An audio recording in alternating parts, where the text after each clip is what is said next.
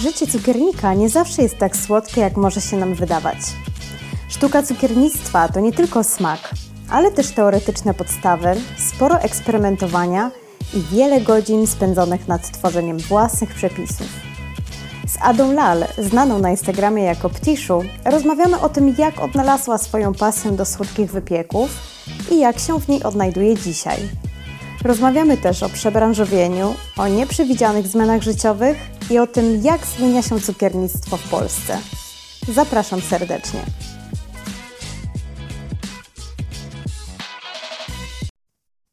Cześć, z tej strony Marwa i witam Was w kolejnym odcinku podcastu Preta Create. Mm, Dzisiaj będzie podcast na słodko, ponieważ moim gościem jest Ada Lal, czyli cukiernicza edukatorka. Cześć Ada. Cześć Marwa. Czyli strasznie mi miło i strasznie się cieszę na ten podcast, ponieważ słodycze to jest coś, co uwielbiam i nie ukrywam, że to jest moja słabość. E, powiedz mi, Ada, pytanie, otwieramy puszkę Pandory od razu pierwszym pytaniem, czyli dlaczego cukiernictwo, na razie tak totalnie osobiście, personalnie, jakbyś mogła powiedzieć, dlaczego cukiernictwo, co Cię w nim tak najbardziej pociąga? Pierwsze pytanie od razu z grubej rury, bo to jest e, bardzo trudne pytanie i e, odpowiedź nie jest oczywista, bo cukiernictwo nie jest ze mną od zawsze, a tak naprawdę jest ze mną od niedawna i wyszło, mam wrażenie, całkowicie przypadkowo. E, wiesz, jakby moja historia Powiedziałabym, że jest bardzo różnorodna i ja jestem poszukiwaczką, jestem testerką i nigdy nie miałam takiego planu na życie, na moją karierę zawodową. I wiadomo, że miałam jakieś upodobania, one zawsze bardziej ciągnęły mnie w stronę artystyczną niż e, ścisłe przedmioty matematyczne czy fizyka ale nigdy nie byłam określona. Moje studia też były wynikiem, wiesz, różnych decyzji życiowych i Wybrałam je, bo wybrać musiałam, ale to nie było, wiesz, pokierowane jakąś moją pasją ani silnymi zainteresowaniami. E, więc to cukiernictwo chyba było wynikiem kilku przypadków w moim życiu, tak naprawdę, e, i sytuacji, które sprawiły, że ja jakoś intuicyjnie mm, po prostu wybrałam je jako moją nową ścieżkę zawodową. Może to było jakieś, wiesz, e, marzenie z dzieciństwa, że chciałabym mieć swoje słodkie miejsce i że chciałabym na pewno prowadzić swój biznes, a nie pracować u kogoś, ale jakby ta decyzja była pokierowana już też moim doświadczeniem, gdzie ja miałam e, zarówno doświadczenie z prowadzeniem własnego biznesu, jak i pracą u kogoś e, w przeróżnych branżach.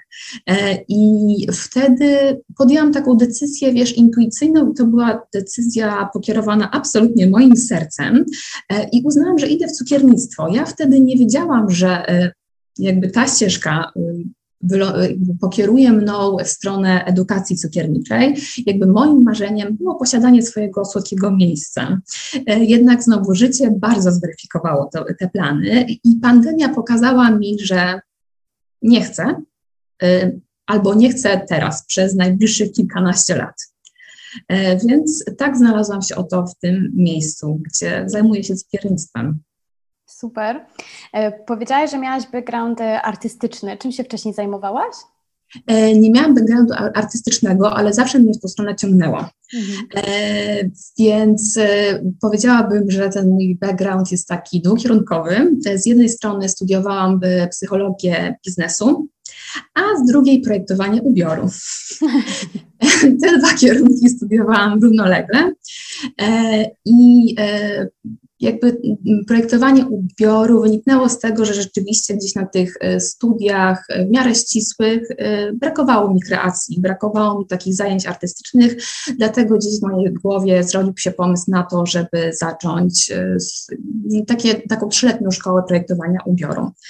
E, I jakby znowu tutaj, wiesz, zaczyna się e, nowa historia, e, tak, gdzie już rzeczywiście gdzieś tam wskakuje w takie tory biznesowe i z, ze znajomą, właściwie teraz już przyjaciółką, którą poznałam w tej szkole, postanawiamy nie robić dyplomu, bo takie, wiesz, robienie dyplomu to jest sporo kasy i decydujemy, że te pieniądze wolimy po prostu przeznaczyć na naszą pierwszą kolekcję, którą sprzedamy.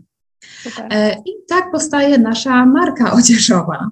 E, wiesz, to było w 2010-2011 roku. Mhm, jeszcze przed boomem na polskie marki.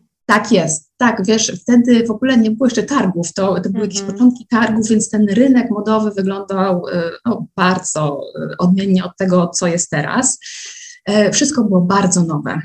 Mhm. E, Pamiętam, to były też czasy, kiedy wszyscy mieli marki streetwearowe, prawda? W taki street mhm. mocno wszedł, ja też się w to bawiłam, ale bez tak, wiesz, to wtedy, wtedy w ogóle powstał, to były czasy, my, to był ten sam, sam moment, kiedy powstał na przykład Risk Made in Warsaw. Tak, Miss Behave wtedy też chyba tak, zaczynał. Tak, oni troszkę wcześniej, mhm. ale i rzeczywiście, wiesz co, jakoś e, tak się złożyło, że zakładając firmę, wybrałyśmy się do inkubatorów przedsiębiorczości to były też czasy dotacji obfitych. Mm -hmm.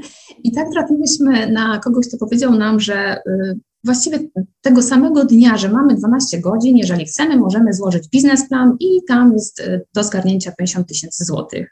I rzeczywiście my się spięłyśmy, napisałyśmy ten biznesplan, no bo jakby miałyśmy w głowie ten pomysł na biznes i tą kasę dostałyśmy. Więc e, to był naprawdę super bonus e, na początek, gdzie mogłyśmy zrobić naprawdę fajną kolekcję i wiesz, taką z głową, to, to było naprawdę bardzo dobrze zaplanowane, tam było, wiesz, jak były piękne serie, była taka, wiesz, garderoba modułowa, która na tamten czas, wiesz, jakby w ogóle nikt o tym nie myślał, tak? Um, I z jednej strony robiłyśmy t-shirty, które były streetwearowe, a z drugiej strony robiłyśmy coś bardzo minimalistycznego i klasycznego. Te rzeczy, wiesz, też to, to nie było do kupienia w sklepach, bo to nie było modne. Takie rzeczy trzeba było płacić naprawdę dużo kasy wtedy.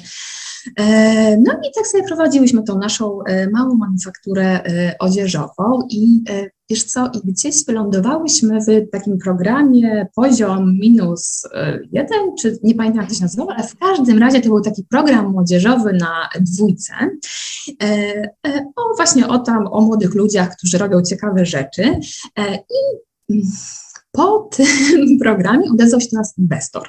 Mhm. Inwestor z prawdziwego zdarzenia, e, który rozwinął jedną z większych e, spółek obuwniczych w Polsce, więc jakby miał historię. E, no i my weszłyśmy w współpracę z tym panem, co później okazało się, no niestety dla nas nieszczęśliwe, bo przez rok współpracowaliśmy i plany były naprawdę duże, wiesz, już były, nie wiem, miałyśmy, miałyśmy zrobione projekty sklepów, jeździłyśmy do Włoch po materiały, e, więc to wszystko wyglądało bardzo poważnie mm, i po roku okazało się, że mm, no, pan po prostu przeinwestował coś i że nie ma pieniędzy nawet na to, żeby normalnie żyć. Mhm. E, więc po roku okazało się, że zostajemy z długami, które musimy spłacić i jako młoda dziewczyny. A ile miałyście jakiś przedział wiekowy? Wtedy? Wiesz co, 20 lat temu to były takie na, połowa lat naszych dwudziestych, mm -hmm. tak, czyli 24-25 lat. Mm -hmm. E, więc stanęłyśmy no, w takiej dosyć trudnej sytuacji mhm. życiowej. No całe szczęście miałyśmy oparcie w rodzicach, więc e, zapożyczyłyśmy się, spłaciliśmy te wszystkie długi, no bo to było priorytetem, tak, to były długi w ZUS-ie, w urzędzie skarbowym, jakby musiałyśmy to wszystko wyrównać.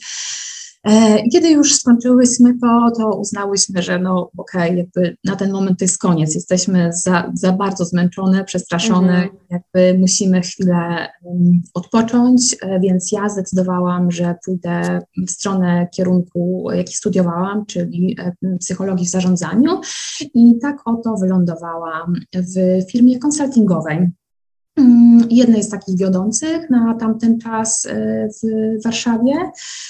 To była amerykańska firma, ale która miała niedużą nie filię tutaj w Warszawie. E, I trafiłam tam na staż i po stażu zaproponowano mi pracę mm, asystentki prezesa. On był prezesem na Europę, nie tylko na Polskę, więc ta praca okazała się bardzo ciekawa, bo poza takimi typowo asystenckimi zajęciami, jakby byłam taką asystentką jego jako konsultanta na on prowadził e, warsztaty dla zarządów, takie strategiczne, więc to było super ciekawe, bo rzeczywiście e, miałam okazję mm, jakby zobaczyć, jak w ogóle takie duże firmy e, i poważne firmy działają od środka, jak to wygląda po prostu w tych zarządach.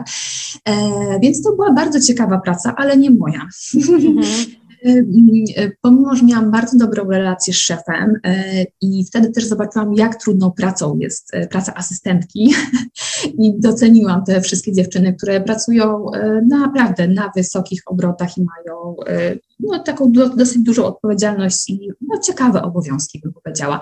I po tych dwóch latach trafiłam, słuchaj, do biznesu i tam pracowałam na projektach, które mm, jakby w ogóle mnie nie pociągały. To było coś jakby wymagającego na pewno, bo to była praca na projektach konkretnych z klientami często i po roku uznałam, że jakby to jest nie dla mnie. I wiesz co, zabrakło w tym wszystkim sensu. Ja nie widziałam sensu w tym, co robię najzwyczajniej w świecie i wtedy zaczęły pojawiać się takie myśli, że okej, okay, to może dam ostatnią szansę modzie i zobaczę, czy to jest moja ścieżka.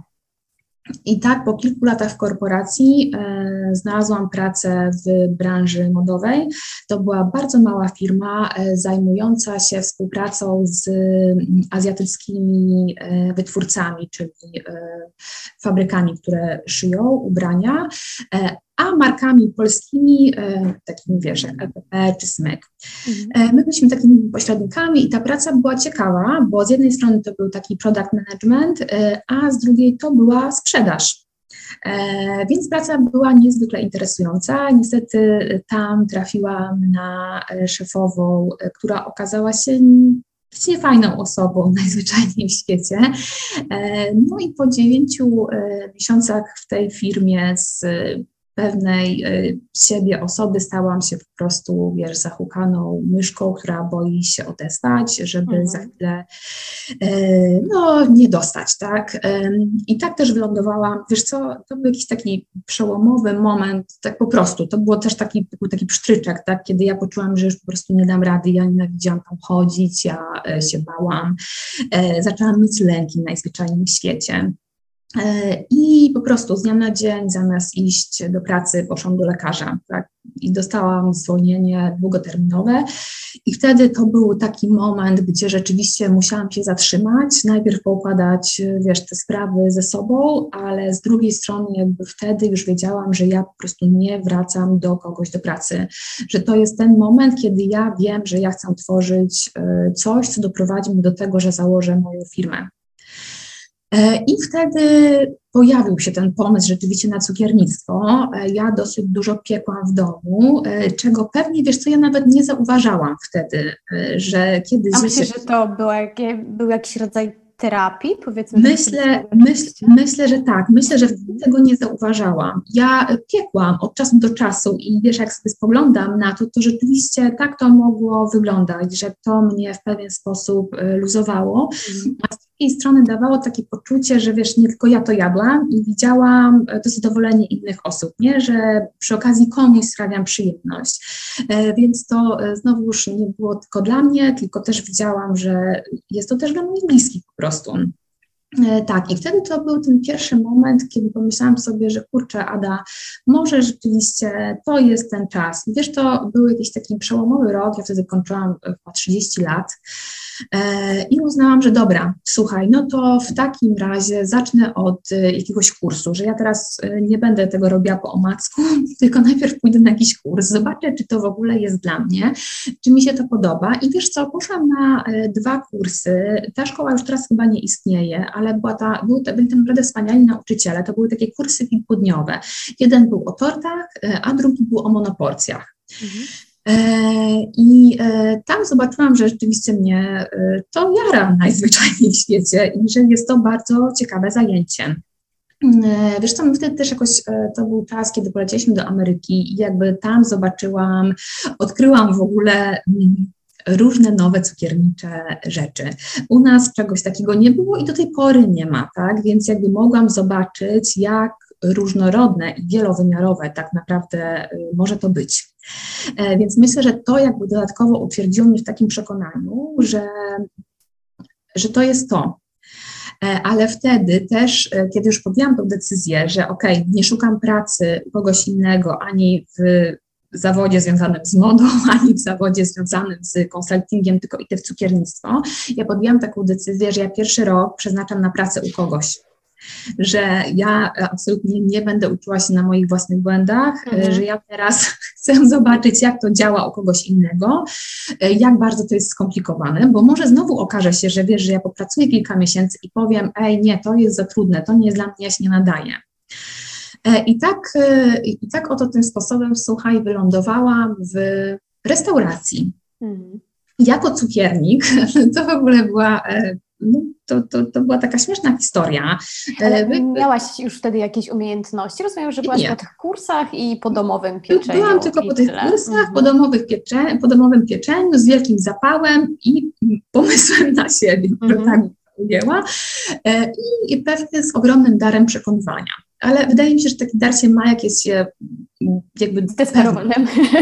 Nie, nie zdesperowanym. Jak, jakby, jakby, wiesz, jeżeli jesteś do czegoś przekonana i wiesz, czego chcesz, to to łatwiej po prostu kogoś przekonać do tej Twojej wizji. E, I myślę, że to wtedy zadziałało. E, pamiętam, że na, idąc na rozmowę, to w ogóle była, była fine diningowa restauracja, taka, ona już teraz nie istnieje, e, ale to było francuskie, francuska kuchnia. I ja idąc na tą rozmowę, wzięłam ze sobą kawałek tortu, który przyrządziłam gdzieś, nie wiem, na mm, urodziny kogoś z rodziny. E, no naturalnie rozmowa przebiegła fantastycznie, tort smakował, podobał się i tak dalej. I tę pracę dostałam właściwie już na miejscu. Y, ok, e, i e, w, przepracowałam tam pół roku. I powiem Ci, że pomimo, że to była bardzo trudna praca, bo zaczynaliśmy o 10, a często kończyliśmy o 24, więc fizycznie to było dla mnie coś nowego.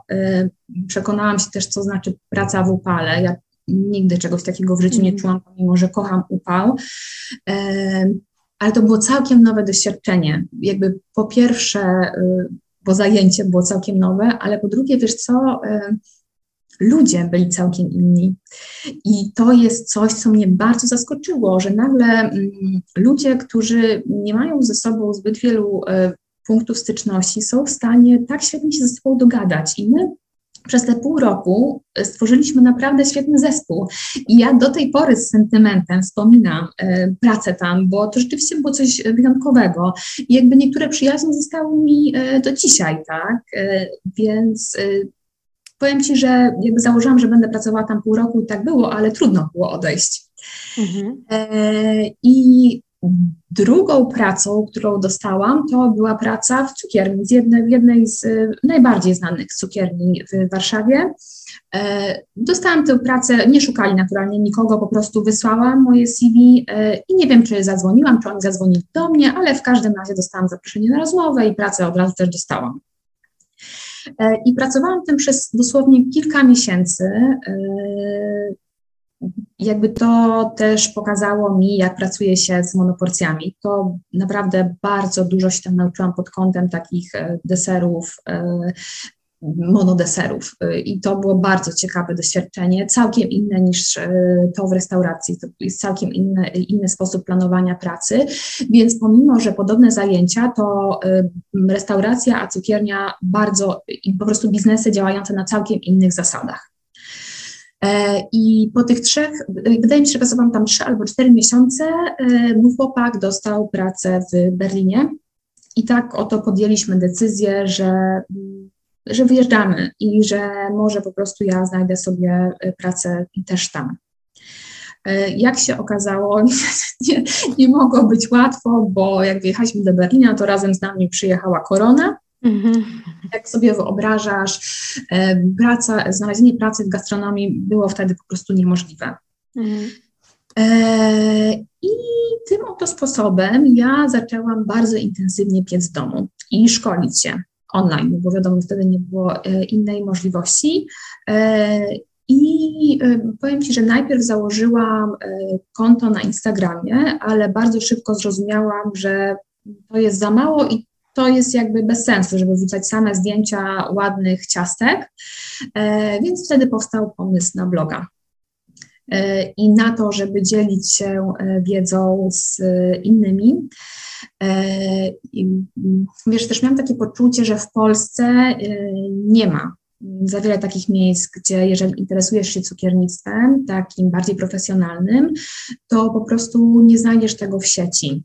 Przepisy tego... są, e, ładne zdjęcia są, ale rzeczywiście jeśli chodzi o profesjonalną wiedzę, to, to ciężko. Mhm. I do tego e, to, co na przykład ja zauważyłam, kiedy uczyłam się i korzystałam z książek typowo cukierniczych, e, i od razu zaznaczę, że w ogóle nie korzystam z literatury polskiej, bo uważam, że ona jest bardzo uboga. E, korzystam tylko i wyłącznie z zagranicznej, więc zauważyłam, że te przepisy, jakby opis wykonania, one są bardzo skąpe. Dlatego też w moich przepisach wszystko jest bardzo dokładnie wytłumaczone. Mhm.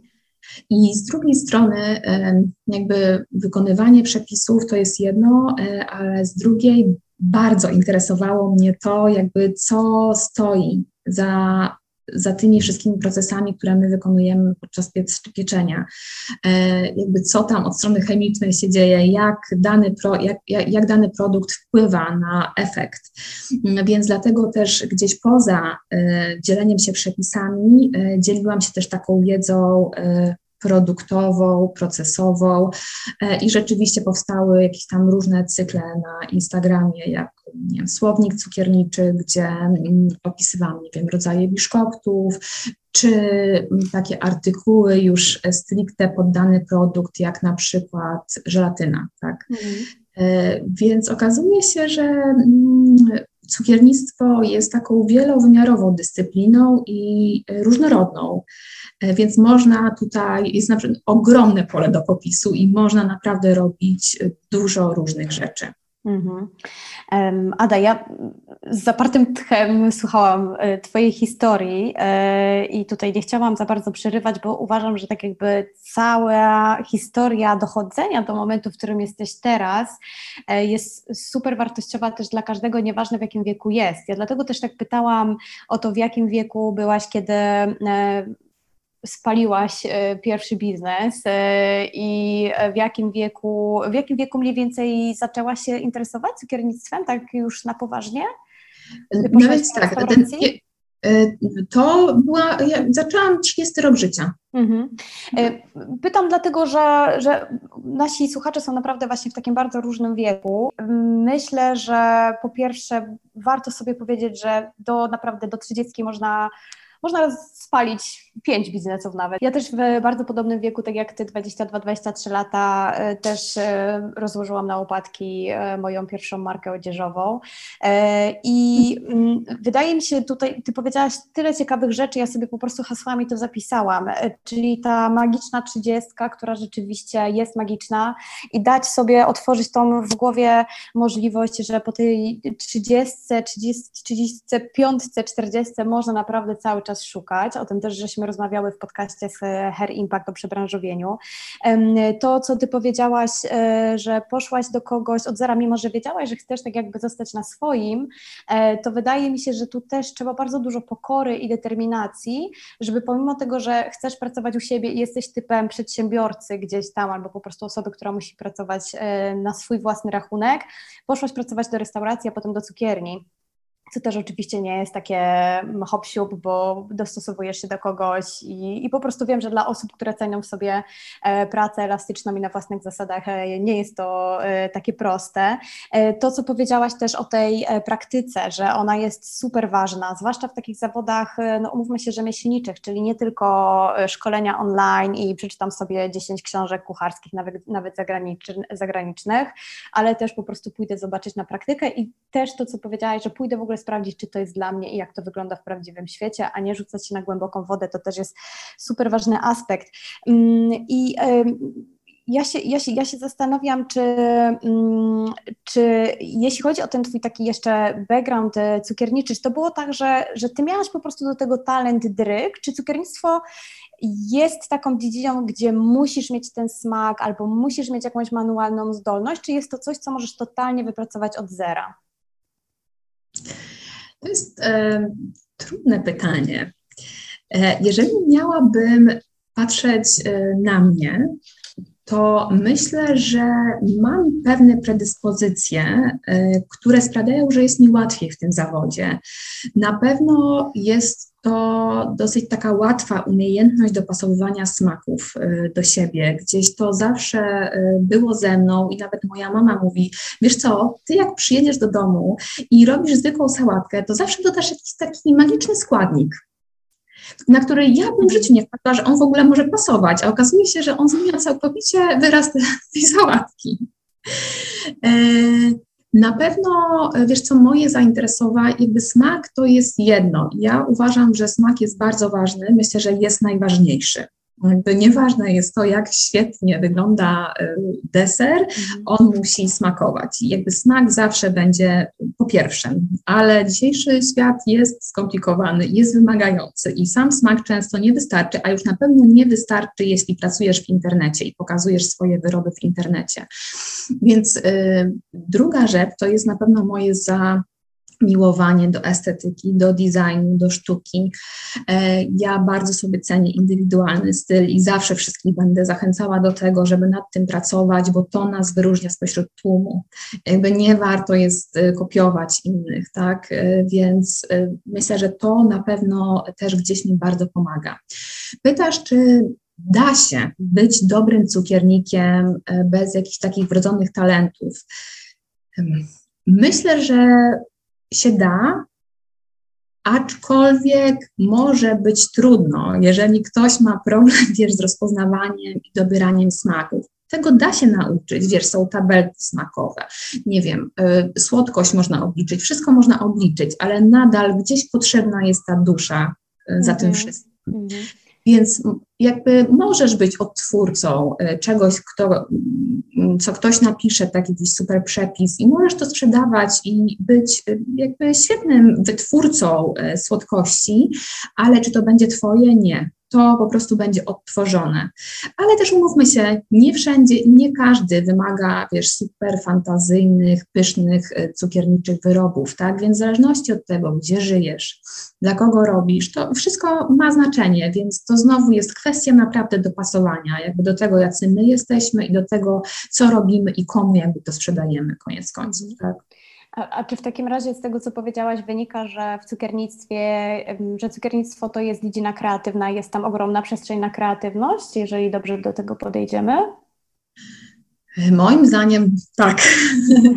To jest coś, co na, pe na pewno bardzo lubię w cukiernictwie, ale też nie możemy zapominać, że ta kreatywność, ona naprawdę powinna być powiązana z takimi mocnymi podstawami, jakby rozumienia tego, jak cukiernictwo działa.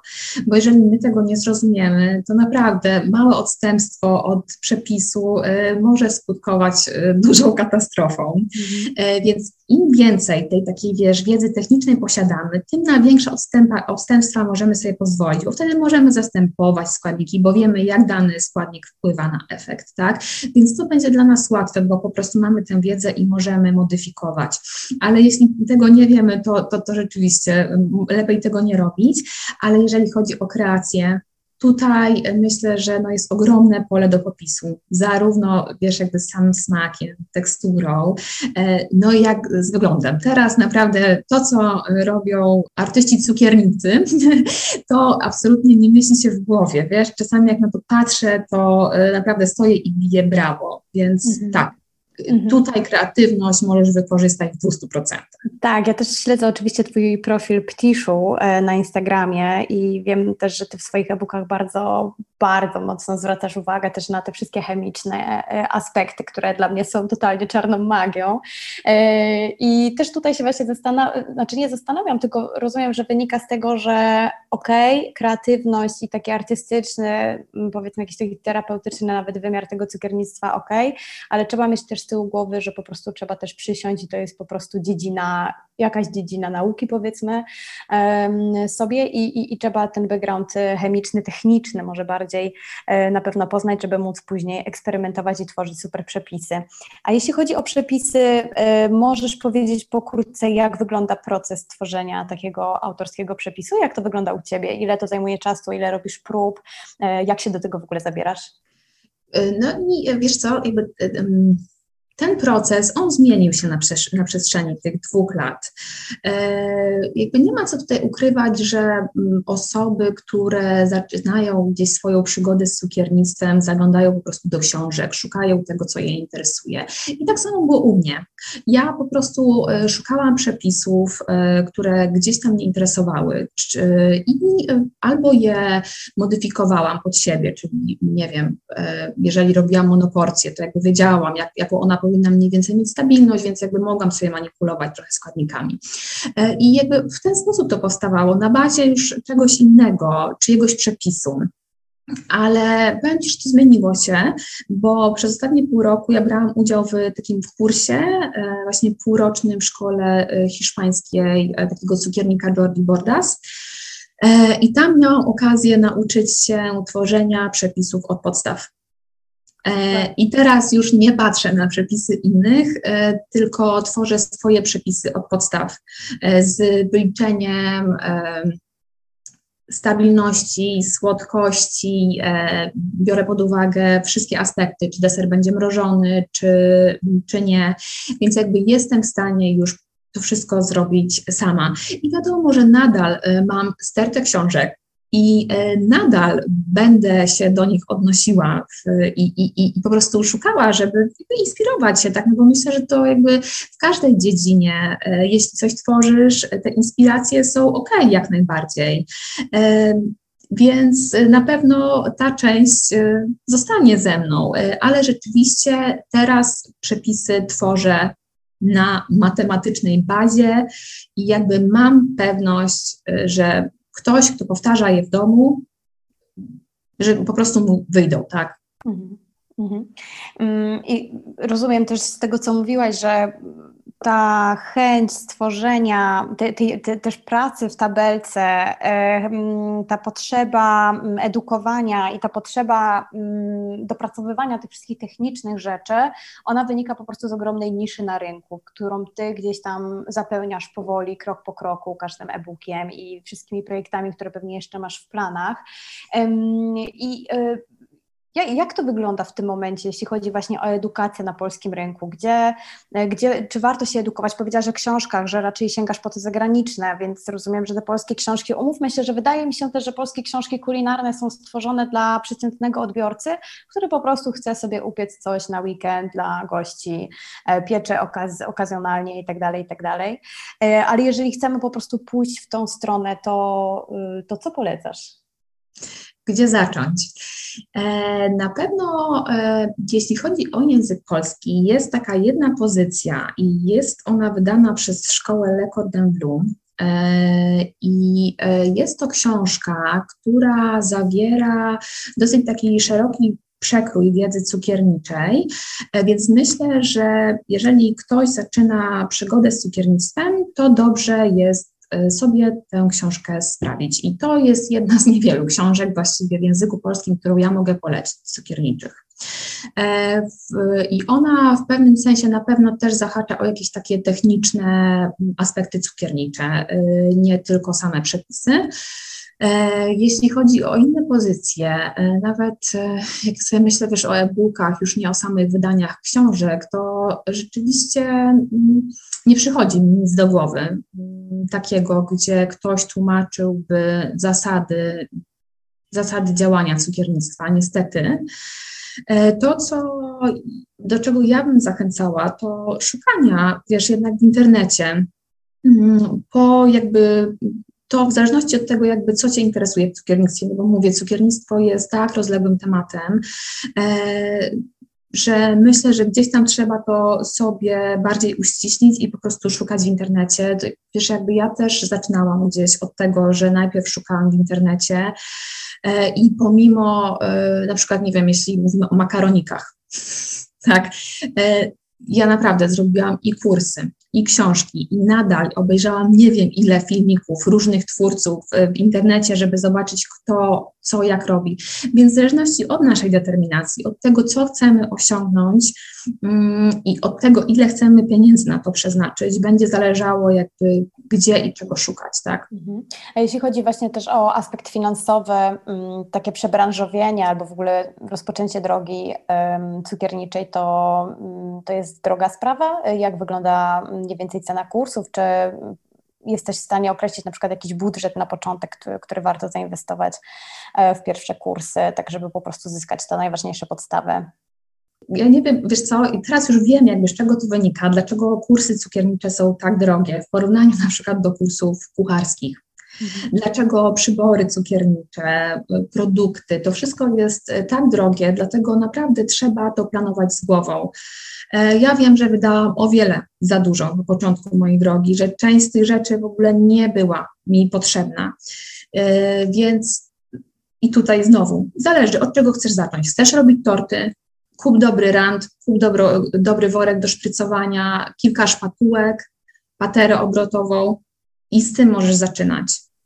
Chcesz robić monoporcję, y, kup z, produkt, y, kup z produktów jakieś foremki, znowu worek cukierniczy, sztywną deskę i wystarczy, tak? E, więc ja zaczynałam od takiego minimum. Y, nie idźcie w gadżety od razu, jakby część rzeczy naprawdę da się zrobić domowymi. Jest taka pokusa, prawda? Jak łapiemy zajawkę na coś nowego, to w ogóle najlepiej iść do sklepu jakiegoś super cukierniczego i e, wykupić wszystkie gadżety, które są jeszcze najładniejsze i oczywiście najdroższe, najpiękniejszy fartuch i wszystko i, i zaczynać przygodę, e, gdzie, gdzie po prostu pierwsze ciasto totalnie nam na przykład nie Tak, ja bym powiedziała, żeby jednak zaczynać skromnie bo w miarę jedzenia y, zobaczycie, że ten apetyt rośnie i będziecie potrzebować y, większej ilości rzeczy w zależności od tego, co po prostu chcecie y, wykonać. Mhm. Ale jakby to też sami, sami zobaczycie, jakby co, co Wam się podoba i jakby w którą stronę iść. Ale ja zaczynałam od minimum. Super. A napisałaś mi, Ada, kiedyś, e, jak żeśmy rozmawiały na Instagramie, że mm, masz taką cichą misję, powiedzmy, żeby zmienić wizerunek cukiernictwa w Polsce. Mogłabyś rozwinąć ten wątek, jak wygląda ten wizerunek cukiernictwa i, i gdzie dokładnie widzisz tą swoją rolę, swoją niszę? Mhm. E, wiesz co, ja myślę, że ten wizerunek powoli, e, powoli ulega zmianie, bo cukiernictwo rzeczywiście przeżywa swój renesans i może nie jest to cukiernictwo to jakby super profesjonalne, takie, którym ja się zajmuję, ale jest bardzo dużo osób, które zajęły się biznesem cukierniczym w różnym wymiarze. To są torty, czy to są piekarze, ale rzeczywiście jakby ta branża, ona bardzo się rozrosła i zróżnicowała. A z czego to wynika, jak myślisz? Tak z Twoich obserwacji. Ja mam swoje, ale jestem ciekawa, ciekawa Twoich obserwacji. Wiesz co, ja myślę, że to po prostu przyszedł czas na nas, że cukiernictwo jest y, popularne w wielu innych krajach i ono jest no, bardzo rozwinięte i jest na bardzo wysokim poziomie. I wiesz, jak sobie spojrzę na Francję, czy nawet jak sobie spojrzę na Rosję, gdzie no, jest tam multum cukierników, które, którzy są gwiazdami to, to, to jest tak, że oni są y, rozpoznawani na całym świecie. U nas czegoś takiego y, jakby nie ma. I my, Polacy, mam wrażenie, że my cały czas jakby uczymy się. Uczymy się smaków, y, jakby uczymy się też nowych typów deserów, które jeszcze kilka lat temu były nam totalnie nieznane. Więc myślę, że to wynika z tego, że mm, po prostu, nie wiem, podróżujemy, Mhm. E, więc widzimy jakby co jest za granicą, a czego nie ma u nas i gdzieś przekładamy te biznesy z podwórka zagranicznego na polski e, i rzeczywiście świadomość Polaków myślę w tym temacie też rośnie. Mhm. Myślę, że ogólnie świadomość też e, jedzenia, tego co jemy, już e, takie cukiernie mm, sieciówkowe, już czujemy, że to one po prostu to jest wszystko sztuczne, napompowane, nadmuchane i to nie są koniecznie najlepsze rzeczy, jakie możemy sobie kupić, czy piekarnie, czy cukiernie. Mm, więc myślę, że na pewno właśnie też ta świadomość jedzenia, podróżowanie, o którym Ty też powiedziałaś, o którym wcześniej też mówiłaś, że wydaje mi się, że to też jest super ważny aspekt, żeby w ogóle się rozwijać, czyli wyjść poza tą naszą strefę nie tyle komfortu, co po prostu życia i zobaczyć, co się dzieje dalej, co się dzieje za tą granicą. I ja też myślę, że na pewno mm, ten powrót do offline'u, czyli wszyscy siedzimy przed komputerami i w którymś momencie, właśnie zazwyczaj gdzieś koło tej trzydziestki, zastanawiamy się, ok, czy tak ma wyglądać reszta mojego życia i myślę, że też e, takie w ogóle odrodzenie e, rzemieślniczych zawodów jest spowodowane w dużej mierze zmęczeniem online. E, I nie ukrywajmy, że też, też mam z tyłu głowy serial Netflixa, oczywiście E, o szefach kuchni i też e, szefach powiedzmy deserowych, który na pewno też spopularyzował ten temat. E, I nie ukrywajmy, że finansowo też są i cukiernie i piekarnie, które po prostu bardzo dobrze na tym wychodzą. To też, to też, to też jest na pewno ważny aspekt, prawda? Bardzo, ale tak, i żeby nie było, program na Netflixie bardzo zainspirował mnie odnośnie właśnie Krystyny Tossi w Ameryce i znowuż jak byliśmy na Bali, to byliśmy u e, Willa Goldfarba w jego restauracji, więc tak, na pewno to jest coś, co odblokowuje jakby wiesz, pewne okienka w głowie. E, ale jeszcze wracając do tematu cukierników jako specjalistów w Polsce, myślę, że ten zawód po prostu nie jest postrzegany jako coś skomplikowanego. On jest postrzegany jako coś, e, albo wiesz, cukiernicy są postrzegani jako ktoś, kto ok, umie zrobić pączki, umie zrobić szarlotkę, no jakby co, co w tym może być skomplikowanego? że jakby ja rozumiem, że Polska nie ma też takiej tradycji cukierniczej, jak na przykład Francja. E, I że rzeczywiście gdzieś ten zawód e, on się trochę kształtuje na naszych oczach, że ja nawet to widzę po sobie, wiesz, jak na przykład ktoś mnie pyta, nowo zapoznana osoba, czym się zajmujesz? Wiesz, co zajmuję się cukiernictwem, prowadzę bloga cukierniczego i wiesz, zazwyczaj jest takie to pierwsze, y, pierwsze wrażenie, aha, okej, okay, nie? A co, Czyli słuchaj, nic nie robisz i tylko pieczesz w domu sobie. A możesz pokazać, co robisz, nie? I nagle zaczyna się przeglądanie i nagle widzę, jak ten ktoś po prostu zmienia mu się mina, nie? I mówi, jak to, ale coś takiego robisz w domu? Ja mówię, tak, i ty też możesz w związku z tym. E, więc chodzi mi właśnie o, e, o taką zmianę, wiesz, tego postrzegania zawodów cukierników jako zawodu niezwykle skomplikowanego i wymagającego od nas naprawdę wiele, wielkiego doświadczenia, umiejętności i też łączenia e, talentów. Jest to zawód, tak jak każdy inny, a i myślę, że to jest trochę jak z fryzjerami jeszcze kilka lat temu, wiesz, że gdzieś y, to rzeczywiście zaczyna się zmieniać, że postrzegamy cukierników jako artystów, jako rzemieślników, jako specjalistów, nie? E, więc, e, więc, więc o to mi chodziło, że chciałabym dołożyć tą moją cegiełkę do tego, żebyśmy zaczęli postrzegać ten zawód jako coś takiego fajnego i wyjątkowego i jakby dla młodzieży, która uczy się, słuchaj, w szkołach gastronomicznych, e, żeby oni dziś mieli takie poczucie, że pracując w tym zawodzie możesz robić naprawdę wspaniałe rzeczy, i różnorodne. Bycie cukiernikiem może oznaczać to, że pójdziesz pracować do cukierni y, wieżejki czy putka, tak, jasne, to wszystko zależy od ciebie, ale są też inne drogi i te drogi mogą być naprawdę wspaniałe. Mhm, mhm. A czy Twoja działalność, która jest w tym momencie, czyli e, działasz no, offline po prostu, bo to wszystko robisz, ale też mocno siedzisz online na Instagramie, e, edukujesz e, na blogu, na Instagramie, na social mediach, czy to jest właśnie dla Ciebie taka idealna równowaga, że jesteś i tu, i tu, czy bardziej Cię ciągnie w którąś stronę? nie ciągnie mnie. Powiem Ci, że ja bardzo sobie cenię równowagę. Uważam, że równowaga świadczy o moim szczęściu e, i myślę, że to właśnie dzięki pandemii tak się stało, że to ułożyło się tak, a nie inaczej i pomimo, że ja nie mam problemu z nawiązywaniem relacji, myślę, że mam nawet łatwość, e, ale bardzo sobie cenię pracę indywidualną i to, że mogę sobie robić wszystko na własnych zasadach. Ja wiem, że jak biznes zacznie się rozrastać, to prawdopodobnie będę musiała zatrudnić kogoś, y, ale jakby wiesz, to teraz już też jest inaczej. Można pracować y, online'owo, można pracować częściowo w kuchni, piekąc razem, ale rzeczywiście jest to gdzieś dla mnie takie bardzo y, bardzo komfortowe rozwiązanie, że z jednej strony mam kontakt z ludźmi, ale na taki, jaki sobie pozwalam i jaki chcę mhm. mieć, e, a z drugiej strony pracuje sobie w kuchni, wytwarzając coś i naprawdę spełniając się kreatywnie. Mhm. Ada, um, takie pytanie mam na koniec, bo ostatnio rozmawiałam z jednym z krakowskich piekarzy i on powiedział tak pół żartem, ale chyba to nie był do końca żart, że piekarze mają większe ego niż kucharze. A jak to jest z cukiernikami?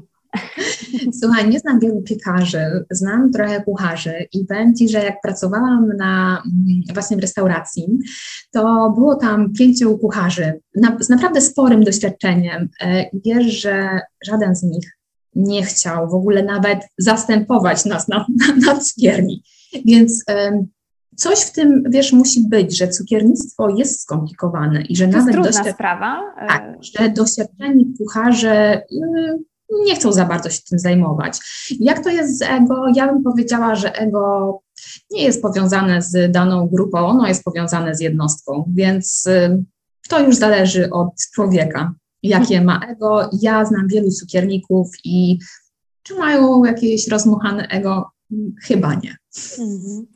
Myślę sobie, że może to y, rzeczywiście wynika akurat y, przy kucharzach. To, to, to, wiemy o tym, że są kucharze celebryci, y, piekarzy, celebrytów takich dużych chyba, aż takich dużych jak kucharzy nie ma, a też piekarze z dużymi sukcesami na koncie, których ja poznałam, to naprawdę świetni ludzie i tam jest po prostu zero jakiegoś takiego ego w takim pejoratywnym znaczeniu mm -hmm. tego słowa. Z cukiernikami, no jesteś, jesteś, jesteś pierwszym takim cukiernikiem, z którym mam bezpośredni kontakt e, i, i też tego oczywiście nie widać, mm, ale e, zastanawiam się, czy to też nie wynika z jakiejś takiej, kurczę, dla mnie praca kulinarna jest, ma w sobie magię i ma w sobie coś takiego z jakiejś takiej nie wiem, powiedziałabym, że cukiernik jest nawet jakąś taką czarownicą, która po prostu robi coś w tej kuchni, w tym kociołku i potem podaje to ludziom i ci ludzie totalnie są tym oczarowani, zahipnotyzowani i myślę, że ten moment, o którym ty też na początku wspomniałaś, czyli e, moment, kiedy zobaczysz, że ty robisz coś, co sprawia czystą przyjemność tej drugiej osobie, myślę, że to chyba jest też ten aspekt, który tak mocno ciągnie do tych zawodów kulinarnych, co nie? I, tak, i powiem Ci, że mało tego i myślę, że potem wszystkich Twoich bliskich i jeszcze bardziej ciągnie do Ciebie i to jest, myślę, kiedy Ada przyjedzie i co ona przywiezie tym razem, więc to jest super miłe, bo rzeczywiście y, tak, y, czekają i widząc ich uśmiechnięte twarze, kiedy spożywają coś słodkiego, co przygotowałam, to jest naprawdę taki piękny widok, gdzie czuję się spełniona najzwyczajniej w świecie. Piękna puenta, Ada. Nic dodać, nic ująć. Myślę na sam koniec. Bardzo, bardzo Ci dziękuję za tą rozmowę szczerą, słodką i gorzką momentami. E, mam nadzieję, że osoby, które słuchają tego odcinka, też znajdą coś dla siebie, mm, znajdą podpowiedzi e, odnośnie swojego życia, nieważne w jakim punkcie są. Myślę, że też na koniec dosłownie słowo ode mnie, które często się przewija w naszych podcastach, ale to jest chyba najważniejszy w ogóle, najważniejsza misja Preta Create, żeby próbować szukać swojej drogi, niezależnie od wieku, niezależnie od ilości porażek i sukcesów na koncie e, i też e, różne osoby, które są naszymi gośćmi po prostu pokazują, są dowodem na to, że naprawdę nigdy nie jest ani za późno, ani za dużo, e, zawsze można próbować. Bardzo, bardzo Ci dziękuję Ada za Twój czas i rozmowę. Dzięki Marwa. I mogę jeszcze dodać jedną rzecz na koniec. Oczywiście, oczywiście. Powiedziałaś, ale ja chcę dodać, że jeżeli już znajdziecie swoją drogę i często to może nie jest łatwe i znalezienie, ale jeżeli i znajdziecie i będziecie już po drugiej stronie, zobaczycie, że to jest wspaniały stan, że to jest całkiem inne nastawienie, całkiem inna motywacja, to jest całkiem inne życie, więc naprawdę życzę Wam tego. E, Malwa, dzięki, e, dzięki wielkie za zaproszenie i pozdrawiam Was wszystkich. Jeśli podobała Ci się nasza rozmowa, śledź projekt Preta Create tutaj, na Instagramie, na Facebooku i w świecie realnym. W Preta Create tworzymy kreatywne szkolenia i warsztaty, nagrywamy podcasty i rozmawiamy z ludźmi z szeroko pojętej branży kreatywnej w Polsce. Przyłącz się do nas i rozwijaj ten projekt razem z nami.